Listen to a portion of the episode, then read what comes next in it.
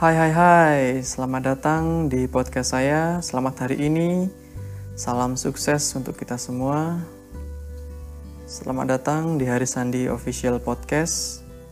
Ini adalah podcast pertama saya di hari yang sangat berbahagia ini. Untuk podcast pertama saya atau the first time podcast saya akan men-sharing atau membagi sebuah kisah atau bisa dibilang pengalaman ya dari saya sendiri di episode Minggu Inspirasi. Semoga apa yang akan saya bagikan atau yang nantinya saya akan bagikan senantiasa di podcast ini dapat bermanfaat untuk teman-teman atau kalian semua yang mendengarkan podcast saya ini. Terima kasih untuk semua atensinya. Uh, langsung saja, untuk kali ini sekaligus saya memperkenalkan diri. Saya adalah Murah Haris Sandi atau teman-teman saya sering memanggil saya dengan Aris atau Haris dan tidak jarang juga dipanggil Sandi ya tapi itu minor lah minoritas. Nah saya adalah seorang difabel netra dapatan atau difabel netra yang bukan dari lahir Nah, kisah ini adalah kisah saya sendiri yang saya akan ceritakan bagaimana awal mula saya menjadi seorang tunanetra dan sejak itu saya seperti mendapati dunia yang baru dalam hidup saya. Mungkin teman-teman saya yang tunanetra juga sudah banyak sekali yang membuat podcast dengan genrenya yang masing-masing ya. Dengan kisah-kisah mereka atau mungkin ilmu-ilmu yang bermanfaat.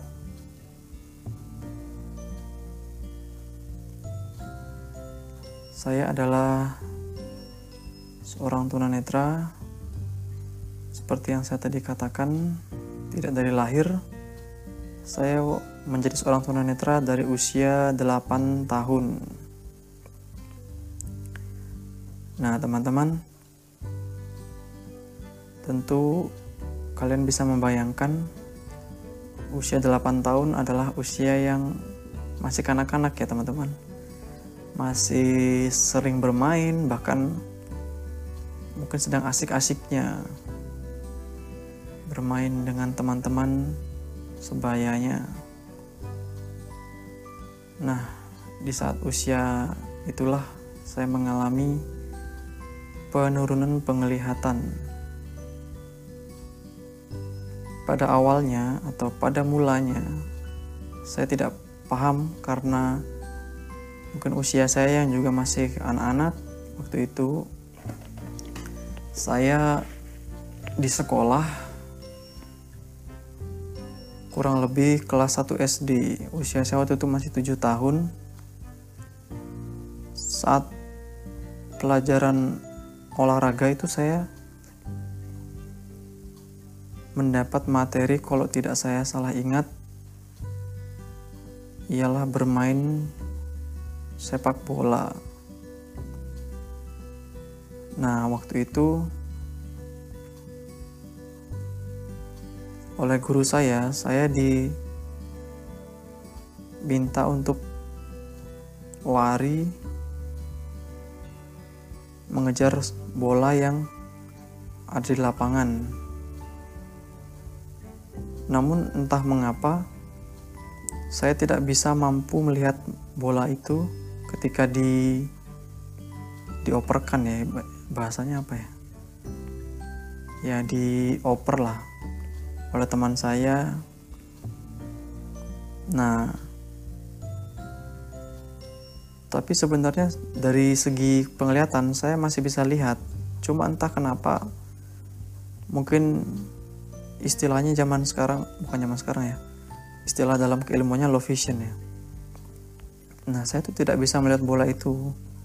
Jadi saya tidak bisa membedakan dengan jelas arah bola itu ke mana gitu awalnya. Cuma saya dengan rasa sedikit takut saya berusaha mengejarnya gitu. Nah akhirnya guru saya merasa curiga mengapa saya tidak bisa melihat bola? Padahal bola itu ada di dekat saya gitu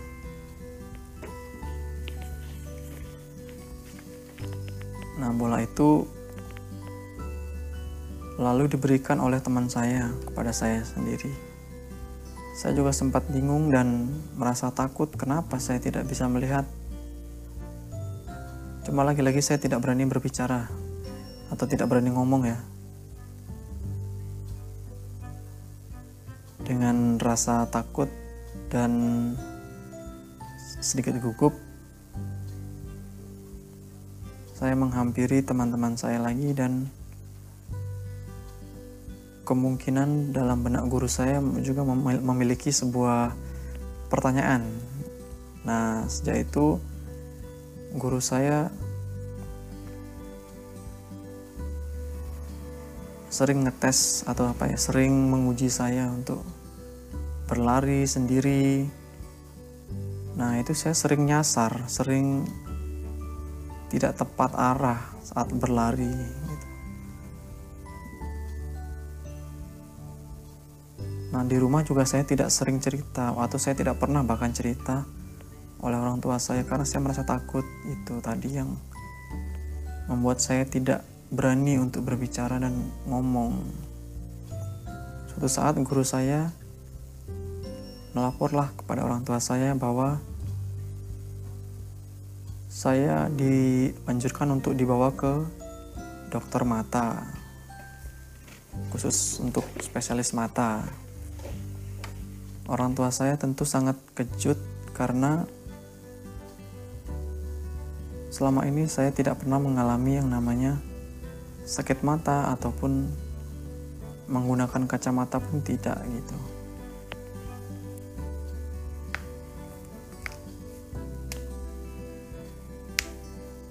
Jadi mulai dari situlah saya dibawa ke dokter mata.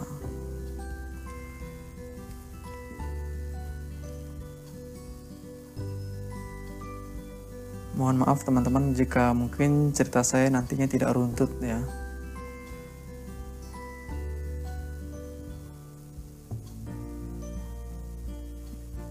Dari situ saya mulai dibawa ke dokter. Nah di saat itulah saya mengetahui bahwa dokter menyatakan dianoksanya apa dianoksa bahasanya? Itu menyatakan kalau saya mengalami minus Kalau tidak salah saat itu minus saya langsung tinggi. Kurang lebih kalau tidak 8 9 10 antara itu. Saya sudah agak-agak lupa. Nah, dalam jarak sekian saya memang masih bisa lihat tapi dalam jarak sekian meter jauhnya saya juga tidak bisa sudah saya tidak uh, tidak bisa melihat atau samar-samar begitu. Nah, pada waktu itulah saya dianjurkan oleh dokter untuk menggunakan kacamata. Dan karena dasarnya saya itu sudah tidak suka menggunakan kacamata, memang dari kecil tidak pernah menggunakan kacamata sama sekali. Sedangkan saya harus menggunakan kacamata saya merasa sangat risih karena melihat teman-teman saya yang tidak berkacamata semua karena ya siapa yang menggunakan kacamata saat kecil kalau tidak kacamata mainan ya. Sementara saya menggunakan kacamata min dan min yang sudah sangat tebal sekali. Ada perasaan minder waktu itu saya. Di sekolah sampai-sampai setiap pembelajaran saya harus diminta untuk menggunakan kacamata oleh guru saya sendiri.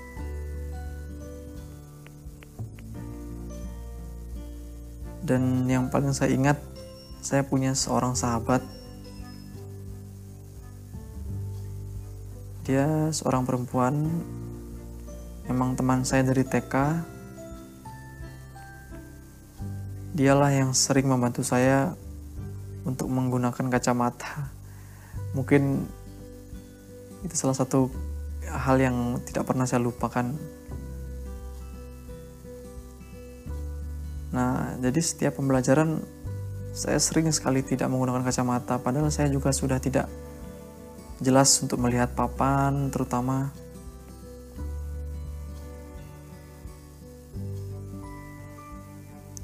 Sejak saat itu, saya sangat rutin sekali kontrol ke dokter.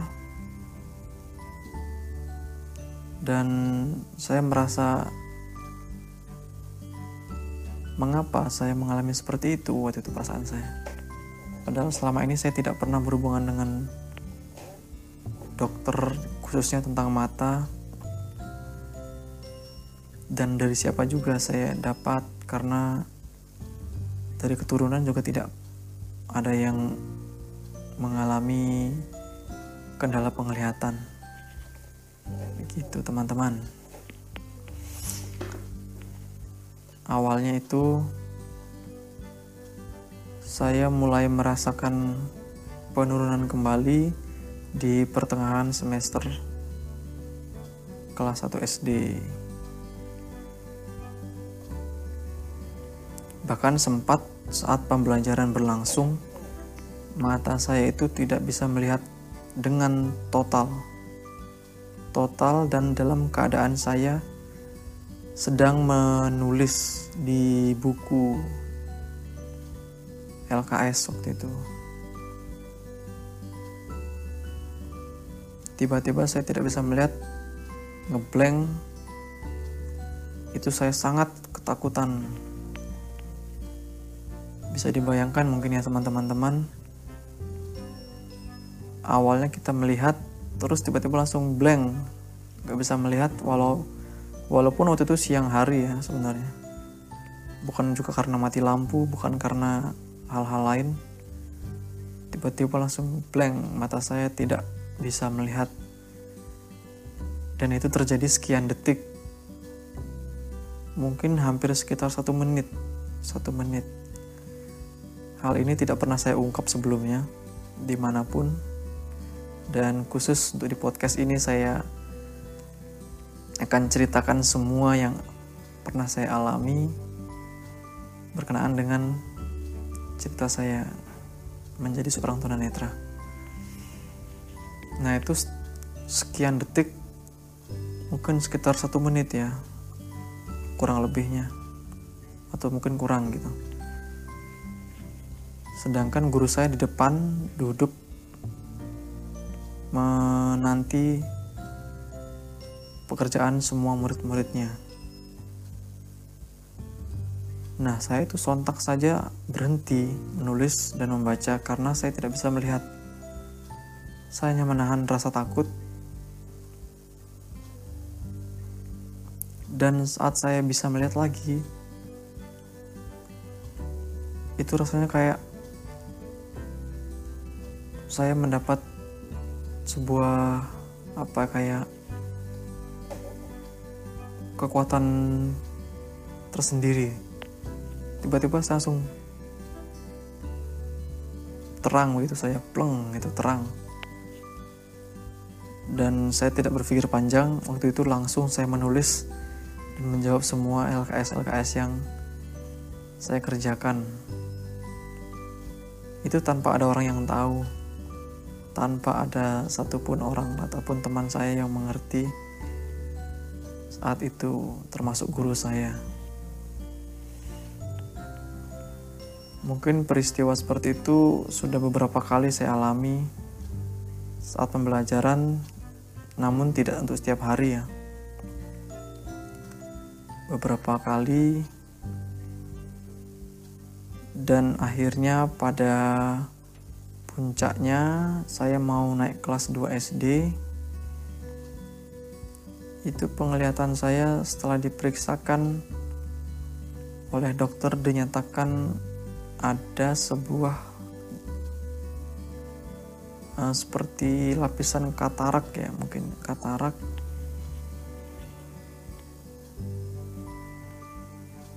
Yang ada di mata saya sebelah kanan dan mata saya yang sebelah kiri waktu itu juga sudah dalam keadaan minus dan dokter menganjurkan untuk dilakukan tindakan operasi mata demi menghilangkan katarak. Namun waktu itu tidak serta-merta orang tua saya berani mengambil tindakan tersebut karena dari pihak dokter pun tidak berani menjamin apakah operasi itu akan membuahkan hasil atau malah memperburuk keadaan.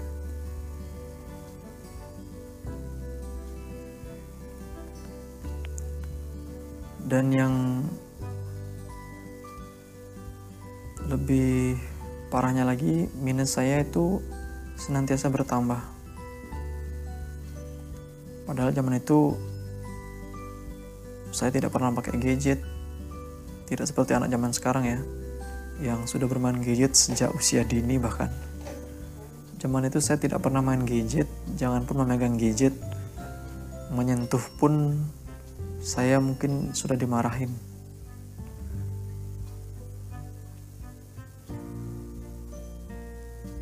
Nah saat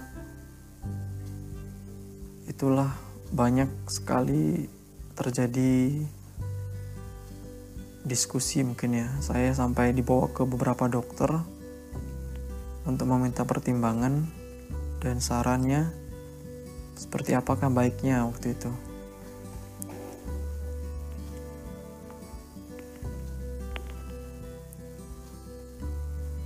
dan dari si dari sanalah akhirnya diambil keputusan untuk saya dioperasi.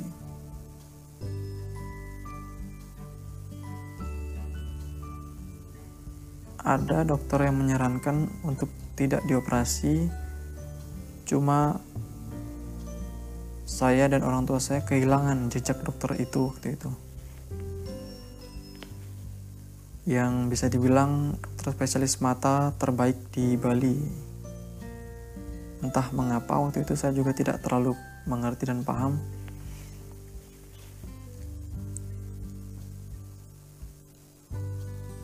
Nah, akhirnya singkat cerita saya disuruh untuk dioperasi dirujuk ke daerah Surabaya di salah satu rumah sakit di Surabaya.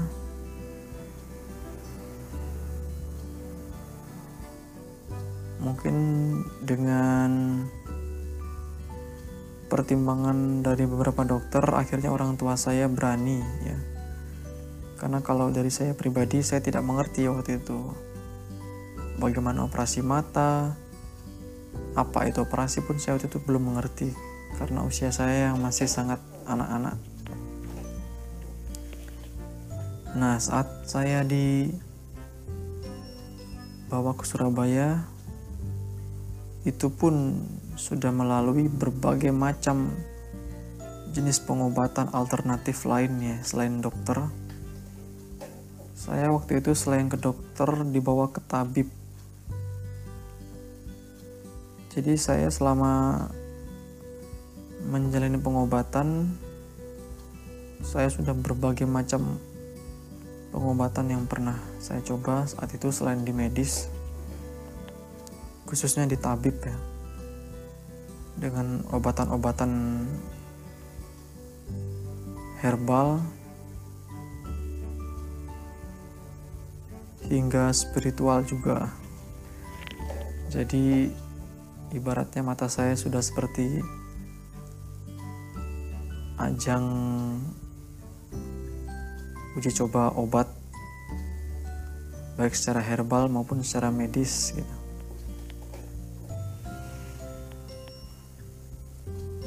Singkat cerita, saya dibawa ke Surabaya. Dan di Surabaya itu pun saya tidak langsung dioperasi karena harus melalui beberapa prosedur. Mengingat usia saya juga yang masih kecil. Dan orang tua saya juga senantiasa mengupayakan untuk pengobatan saya.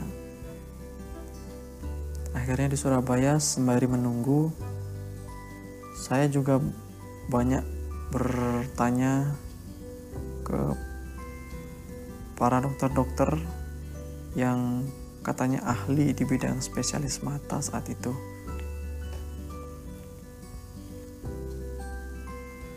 Sembari saya me menunggu ya waktu itu menunggu saya juga diberikan saran oleh saudara saya saat itu di yang ada di Surabaya untuk mencoba pengobatan alternatif lain gitu.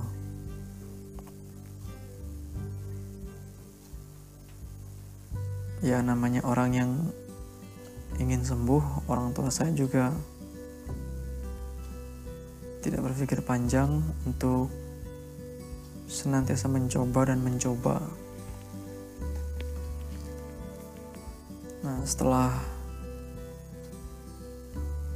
saya berobat di salah satu pengobatan tradisional yang ada di seputaran Lamongan kalau tidak salah. Ingat saya waktu itu, nah yang mengobati saya pun waktu itu keberatan untuk saya dioperasi. Lagi-lagi saya entah apa alasannya karena beliaunya kalau tidak salah saya ingat kalau mata saya secara lahiriah bahasanya itu tidak mengalami apa-apa.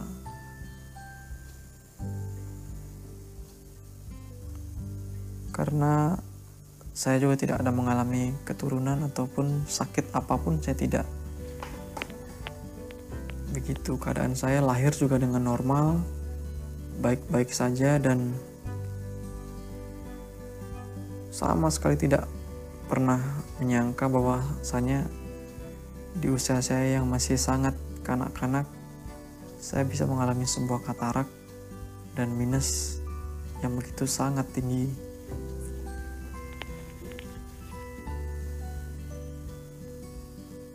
Namun, tidak lama setelah itu keluar surat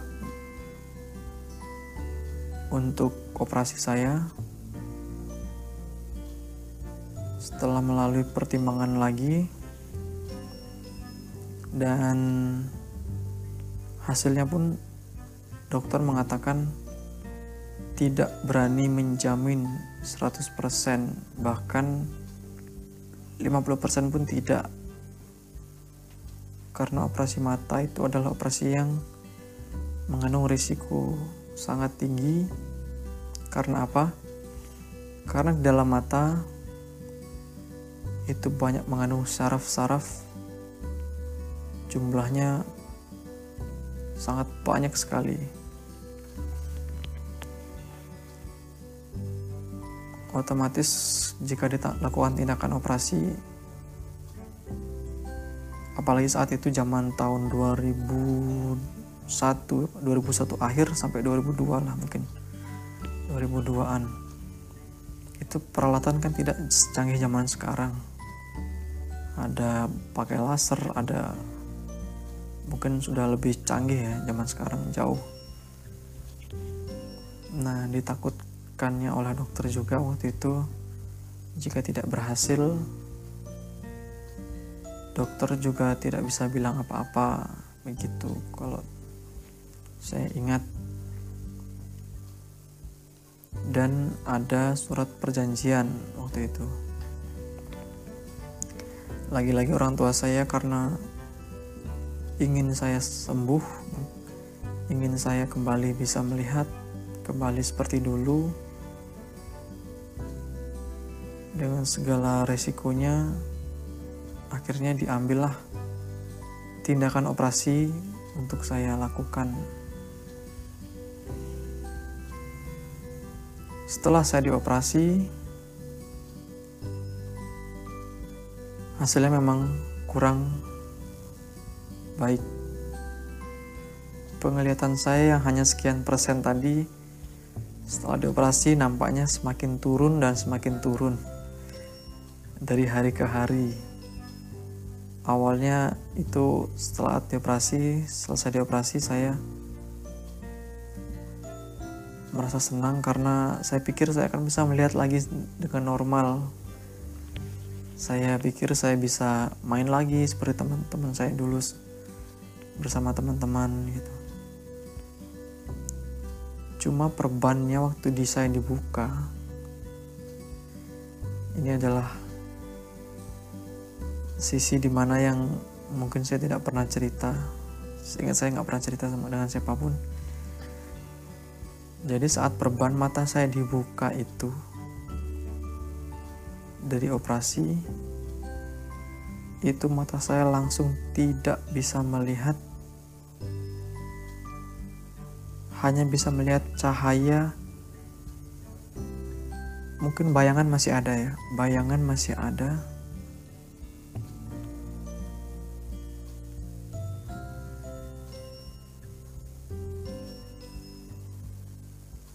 Entah apa yang ada di dalam benak saya waktu itu saat orang-orang menanyakan kepada saya, apakah saya bisa lihat? Saya jawab, saya bisa lihat. Padahal itu di dalam hati saya, saya menyimpan kesedihan, tetapi saya tidak tahu kenapa saya tidak berani mengatakannya. Dan yang anehnya lagi, saat saya dites, semua jawaban saya benar. Itu yang buat saya heran juga.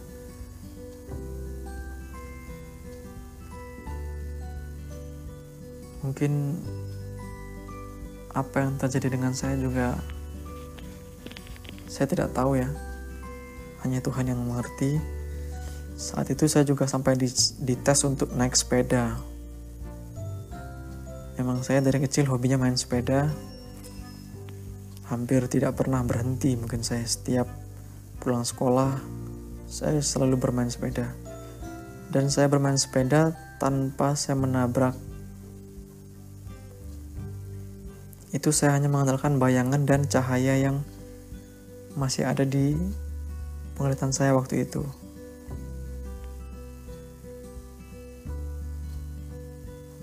Singkat cerita saya pulang ke Bali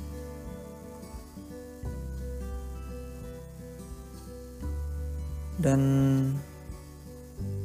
waktu itu kalau tidak salah masa pemulihan saya belumlah sepenuhnya uh, pulih ya masih belum sepenuhnya pasca operasi.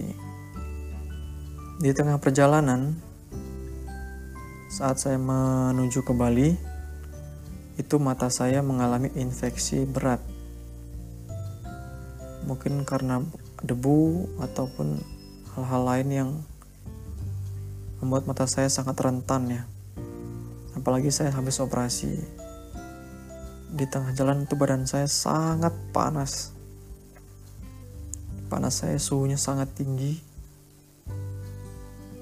Bahkan saya tidak mengerti atau bisa dikatakan saya tidak sadar saya berada di mana dan itu siang ataupun malam saya nggak pernah tahu begitu begitu saya bangun saya hanya mendengar suara-suara orang-orang sekitar saya yang ingin mencarikan saya dokter untuk suhu saya yang sangat panas waktu itu. Seingat saya, saya saat, di, saat itu lagi di perjalanan menuju ke Bali dan saya tidak ingat lagi apa-apa. Dan sesampainya di Bali, saya tidak pulang ke rumah, tapi saya langsung ke rumah sakit lagi. Karena keadaan saya yang begitu mengkhawatirkan ya. Infeksi berat mata saya dan setibanya di rumah sakit saya langsung opname lagi setelah dilakukan pemeriksaan mata saya banyak mengalami pendarahan di dalam ternyata waktu itu.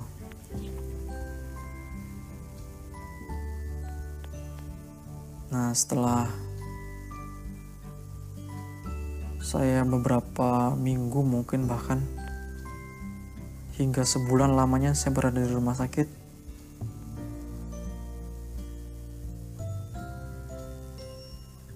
hampir setiap hari saya merasa saya tidak tahu itu siang ataupun malam. Karena saya benar-benar tidak pernah tahu kan, lihat dengan mata itu sudah tidak memungkinkan dengan jelas apalagi dalam keadaan saya yang demam tinggi.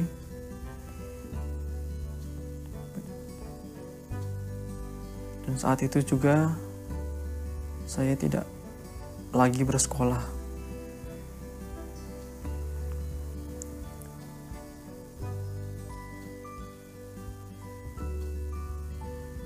Dan selama saya mengalami apa menjalani pengobatan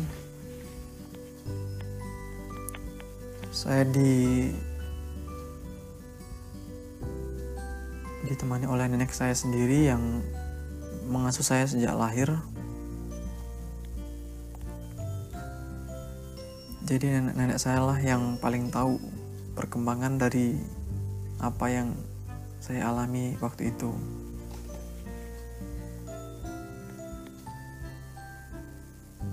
Setelah terjadi banyak tindakan medis akhirnya dokter menyarankan untuk mata saya yang sebelah kanan diangkat.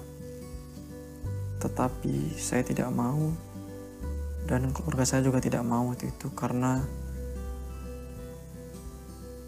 merasa trauma mungkin dan pasca operasi yang kemarin juga masih belum terlalu lama begitu. Dokter menyarankan untuk mengangkat mata saya waktu itu karena mata saya yang sebelah kanan ya itu mengalami pendarahan hebat karena infeksi yang berat takutnya menular ke sebelah kiri waktu itu. Setelah berdiskusi dan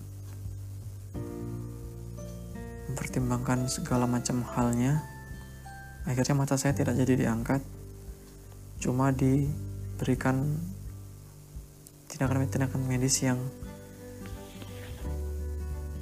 membuat saya harus selalu kontrol mungkin di setiap bulannya untuk memantau pendarahan yang ada di mata saya. Nah, singkat cerita, sejak itu saya sudah break dari sekolah dan saya tidak sekolah lagi. Saya juga tidak pernah bertemu teman-teman saya lagi. Di usia saya yang 8 tahun saya total saya tidak pernah berhenti, tidak pernah berhenti lagi. Tidak pernah bersekolah. Saya tidak pernah sama sekali menyentuh pelajaran, buku, dan lain-lain. Waktu itu hidup saya hanya berobat dan berobat selalu. Begitulah awal mula saya menjadi seorang tunanetra yang mungkin saya berceritanya tidak lancar ya karena mungkin saya masih terbata-bata dan banyak kurangnya mohon maaf nah semenjak itulah saya mengalami banyak perubahan dalam hidup saya yang dulunya saya itu sangat uh, periang. Dulunya saya tidak bisa diam. Saya senantiasa ke mana saja bersama teman-teman saya. Saat itu benar-benar saya total break di rumah. Atau mungkin istilah sekarang sosial ya distancing gitu oh ya untuk ngomong-ngomong social distancing sekarang kan sedang marak-maraknya ini yang disebut dengan COVID-19 dan banyak teman-teman ataupun saudara-saudara kita dan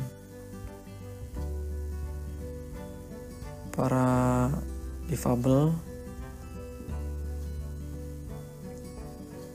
yang terkena imbas dari penyebaran virus COVID-19 ini ya. Saya doakan semoga teman-teman, saudara-saudara saya, dan teman-teman difabel selalu sehat dan bisa jaga diri dan semoga fenomena ini segera berlalu gitu.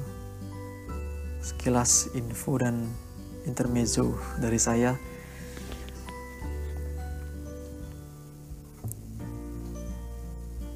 Itu setahun berselang ibu saya kembali saya lagi kembali ke laptop kembali ke cerita saya tadi ini entah dari mana informasi yang didapat oleh ibu saya tentang sekolah luar biasa. Jadi saya bers bersekolah di SLB waktu itu, itu. Saya dibawa oleh orang tua saya ke sekolah SLB. Salah satu SLB A atau SLB khusus tunanetra waktu itu di Denpasar. Nah, saya waktu itu masuk tidak tahu seperti apa itu sekolah SLB dan apa itu SLB. Cuma saya mengalami semacam kerinduan ya kepada lingkungan sekolah. Akhirnya saya di sana bertemu teman-teman yang juga mengalami hal yang sama seperti saya yaitu tunanetra. Namun yang membuat saya sangat tercengang adalah ketika saya di sana saya melihat banyak teman-teman tunanetra yang begitu gembira, begitu sangat kreatif. Ada yang bermain musik, ada yang bermain tenis meja waktu itu saya padahal tidak mengerti bagaimana seorang tunanetra bisa bermain tenis meja dan hal-hal luar biasa lainnya waktu itu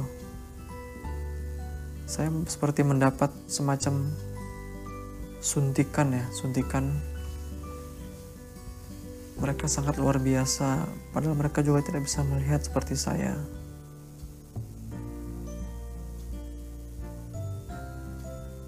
Dan saya selama beberapa hari oleh orang tua saya diantarkan ke sana dan ditunggui melihat perkembangan dan adaptasi saya di sekolah yang baru itu. Karena saya selama ini tidak pernah mengenal yang namanya huruf braille atau huruf yang digunakan oleh teman-teman difabel netra apalagi untuk membacanya akhirnya oleh pihak guru dari SLB saya disarankan untuk mengulang kelas atau bisa dikata saya kembali ke kelas 1 SD kan sebenarnya saya harusnya udah kelas 2 dan saya sempat break setahun. Jadi usia saya mungkin sekitar sudah 9 ya 9 tahun nah untuk di usia anak-anak reguler atau anak-anak pada umumnya usia segitu harusnya saya sudah kelas 3 SD kurang lebih kelas 3 SD dan saya harus mengulang ke kelas 1 SD kembali gitu. Dengan rasa yang masih sangat penasaran saya pun akhirnya masuk SLBA nah saat saya di SLBA saya mulai perlahan mulai bangkit mulai bangkit saya pun bisa membaca braille, menulis braille, walaupun dalam tahap belajar. Mungkin saya nanti akan membagikan juga untuk bagaimana sih cara belajar braille dan untuk khususnya teman-teman yang mungkin baru mengalami tunanetra ataupun sudah mengalami tunanetra sejak lahir, cuman masih belum mengenal yang namanya huruf braille. Karena menurut saya seperti ini teman-teman. Huruf braille itu setiap tunanetra setidaknya mengenal dan bisa membacanya.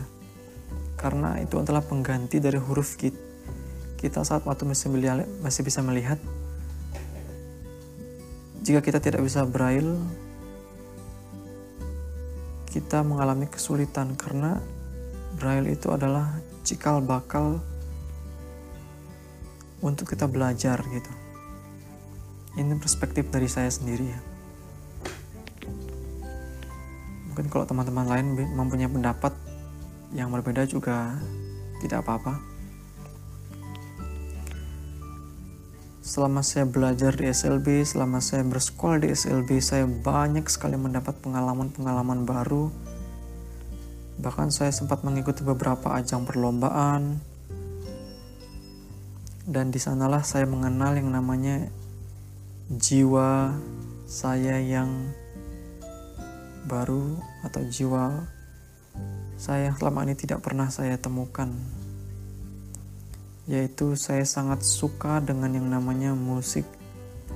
Padahal waktu saya bisa bisa lihat, saya sangat takut sekali dengan yang namanya suara keras, apalagi musik yang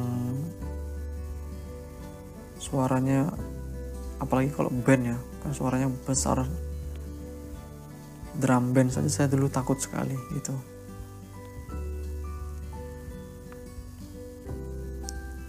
dan musik adalah salah satu terapi saya yang paling berpengaruh sampai hidup saya yang sekarang gitu. hidup saya sampai saat ini begitu maksud saya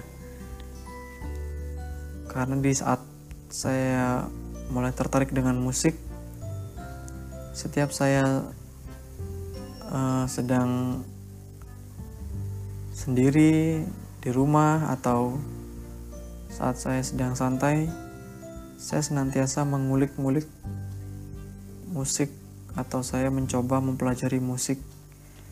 Dan musik pertama yang saya pelajari adalah alatnya keyboard. Keyboard yang saya beli dengan paman saya itu di pameran. Keyboard kecil, keyboard mungkin bisa boleh boleh dikata keyboard keyboard mainan ya mulai dari sanalah saya menemukan bakat saya sebagai uh, pecinta musik gitu dan paman saya yang melihat bakat saya itu tidak ragu mengajarkan kepada saya walaupun beliau juga tidak bisa sebenarnya bermain musik tapi kita melihat dan membeli buku tentang kunci atau chord-chord music. Lagu pertama yang saya pelajari saya paling ingat sekali yaitu lagu Burung Kakak Tua. Itu sangat saya ingat sekali. Nah,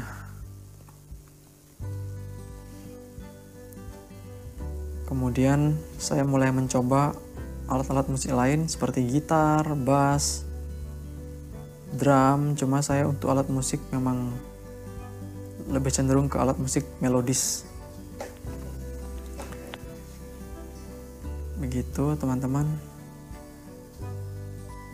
Dan saya juga sempat mengikuti beberapa kejuaraan sampai ke tingkat nasional waktu itu ya. Di kelas SMA. Mungkin jika saya tidak tunanetra, saya tidak pernah mengenal yang namanya musik dan mungkin juga saya tidak pernah mewakili Bali khususnya saat itu di provinsi untuk lomba di tingkat nasional. Itulah hikmah yang mungkin saya bisa petik selama saya menjadi seorang tunanetra selama saya bersekolah di SLB karena menurut saya SLB itu banyak membawa perubahan bagi hidup saya pribadi setidaknya. Dan waktu itu SLB saya masih SLB khusus A ya tidak digabung dengan kedisabilitasan lain. Jadi segala kurikulum yang digunakan juga pure untuk anak tunanetra saja. Jadi saya banyak melatih skill-skill saya mulai dari renang, tenis meja, sepak bola. Nah, sepak bola ini awalnya saya bingung gimana cara mainkan tunanetra main sepak bola. Tapi ternyata ya bisa, tunanetra pun bisa bermain sepak bola. Itulah yang saya membuat saya semakin percaya bahwa penglihatan itu tidaklah segalanya. Jika kita mau berusaha dan berjuang, kita pun bisa sama dengan mereka yang mempunyai indera yang sempurna. Saya tidak pernah terfikirkan oleh saya menjadi seorang tunanetra karena dalam keluarga saya dan silsilahnya pun tidak ada yang memiliki riwayat penglihatannya yang sampai menjadi seorang tunanetra ya. Begitu. Dan puncaknya adalah ketika saya memasuki dunia perguruan tinggi. Sejak itu saya benar-benar merasa hidup saya sangat berubah total dari dulunya yang saya begitu sangat minder, begitu sangat menyendiri, begitu takut. Nah, ketika saya di dunia atau sudah sampai di tingkat perguruan tinggi, semua itu seketika menjadi lenyap. Ketika saya bertemu teman-teman saya yang begitu luar biasa, saya berkuliah di salah satu universitas negeri di Kota Malang. Saya mengambil jurusan pendidikan khusus. Nah, ini menarik. Mungkin saya akan ceritakan sedikit. Kalau saya itu berkuliah pun tidak pernah mempunyai sama sekali mimpi karena saya tidak pernah terbayangkan bagaimana seorang tunanetra bisa kuliah waktu itu. Cuma atas anjuran guru-guru saya, saya di didorong untuk bisa melanjutkan sampai ke perguruan tinggi begitu. Dan jurusan yang ditawarkan adalah jurusan pendidikan khusus dan saya juga tidak tahu waktu itu apa sebenarnya pendidikan khusus karena saya pribadi sebenarnya tidak berjiwa sebagai guru ya saya waktu itu sangat menimbang-nimbang mengapa saya harus ke pendidikan khusus.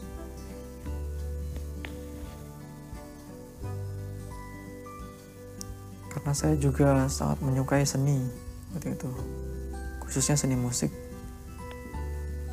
Akhirnya dengan pertimbangan uh, jangka panjang akhirnya saya mendaftarlah ke dua universitas. Yang satu di uh, kampus seni. Mungkin teman-teman bisa tahu yaitu ISI dan juga kampus negeri di Kota Malang yang saya ambil sebagai uh, pendidikan khusus atau PLB ya pendidikan luar biasa waktu itu bahasanya di tahun 2014 saya masuk uh, ke perguruan tinggi melalui jalur prestasi kebetulan. Dan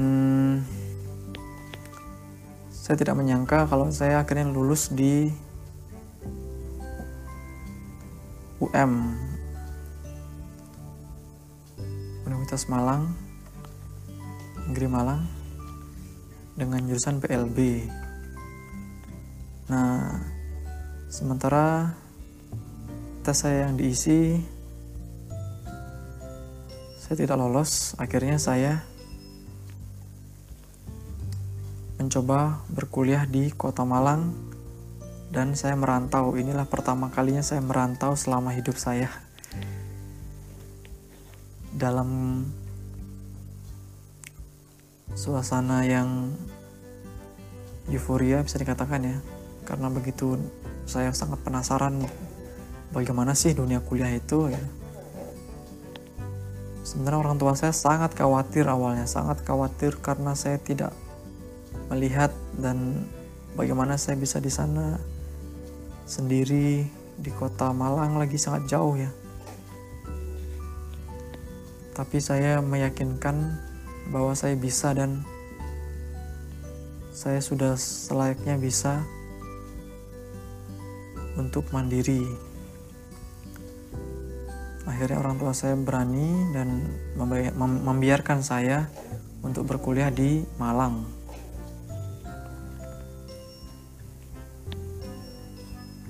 Nah, saat awal mula saya datang ke Malang, saya sangat bahasanya apa ya sangat terkesima karena selama saya bersekolah saya kan hanya di SLB terus nih. Jadi sekelas saya cuma 6 orang paling banyak lah 6 orang sekelasnya waktu itu. Sementara saya di Malang itu ber-39 kalau nggak 38an dan itu hanya satu kelas di angkatan saya waktu itu ada dua kelas jadi sekitar ada 80 orangannya. Itu sangat euforia sangat sekali euforianya. Saya merasa saya seperti orang yang baru sekolah lagi.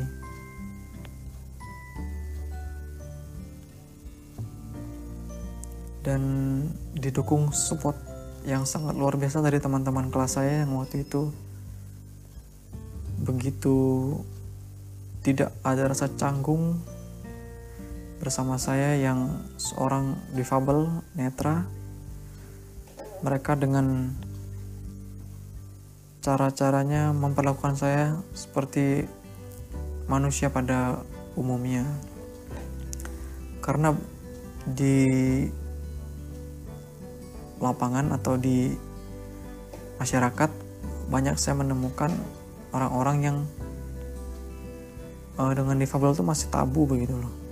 Masih sangat tabu sekali. Padahal kita difabel juga manusia yang mempunyai uh, apa ya namanya? Mempunyai kesempatan dan hak-hak yang sama gitu. Seringkali masih dipandang remeh atau dipandang sebelah mata itu sangat sering. Bahkan di zaman saat ini yang sangat digaung-gaungkan ya, difabel. Tapi untuk di kenyataan di masyarakat itu masih banyak loh yang memandang difabel itu masih ada keraguan di hati mereka gitu. Tapi teman-teman saya saat itu luar biasa sangat tidak nampak dari mereka itu yang menandakan mereka risih ataupun canggung bermain dengan saya gitu. Bahkan saya di hari-hari pertama kuliah mereka sangat penasaran dengan cara-cara saya yang bagaimana sih untuk belajarnya, bagaimana sih menulisnya, kok bisa ya membaca gitu. Apalagi membawa handphone Mungkin tidak banyak orang yang tahu ya, untuk tunanetra bisa membaca handphone. Nanti saya akan ceritakan di episode-episode selanjutnya bagaimana tunanetra bisa membawa hand, membawa handphone lagi, membaca handphone gitu. Atau ponsel, smartphone.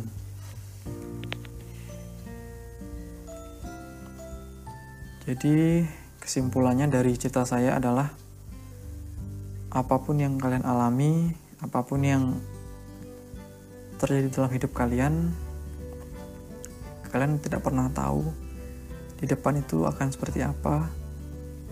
Namun yakinlah segalanya itu ada hikmah dan ada sesuatu yang indah tengah menanti. Jangan takut apalagi seperti saya dulu yang senantiasa minder begitu. Karena manusia hidup pasti selalu ada masalah. Dan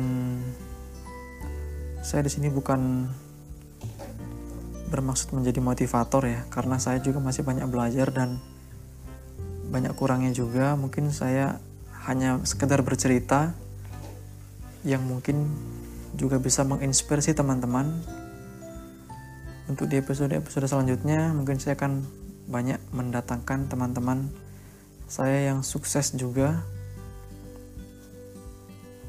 sebagai seorang difabel yang jauh lebih sukses dan jauh lebih struggling daripada saya yang akan saya bagikan untuk teman-teman khusus pendengar setiap podcast saya di Hari Sandi Official Podcast. Jadi sekian untuk pengalaman pribadi saya ini. Begitulah kisah saya. Mungkin sedikit banyaknya. Teman-teman bisa mengambil hikmahnya. Yang bisa diambil baiknya ya silahkan jika tidak ya silahkan juga. Karena saya hanya sekedar sharing dan berbagi di sini. Uh, oh ya sekalian saya akan uh, mempromokan ya mempromokan bahasanya. Uh, podcast saya ini khusus saya buat memang untuk berbagi dan saya akan membagikan selain inspirasi juga saya akan memberikan seputar dunia edukasi dan teknologi dan satu lagi tentunya seperti hobi saya yaitu musik. Tentang dunia musik khususnya untuk difabel ya. Dan mungkin juga bisa diterapkan untuk teman-teman yang reguler atau uh, yang umum. Nantikan saya di podcast-podcast saya selanjutnya. Saya Hari Sandi. Mengucapkan terima kasih atas segala atensinya. See you dan bye-bye.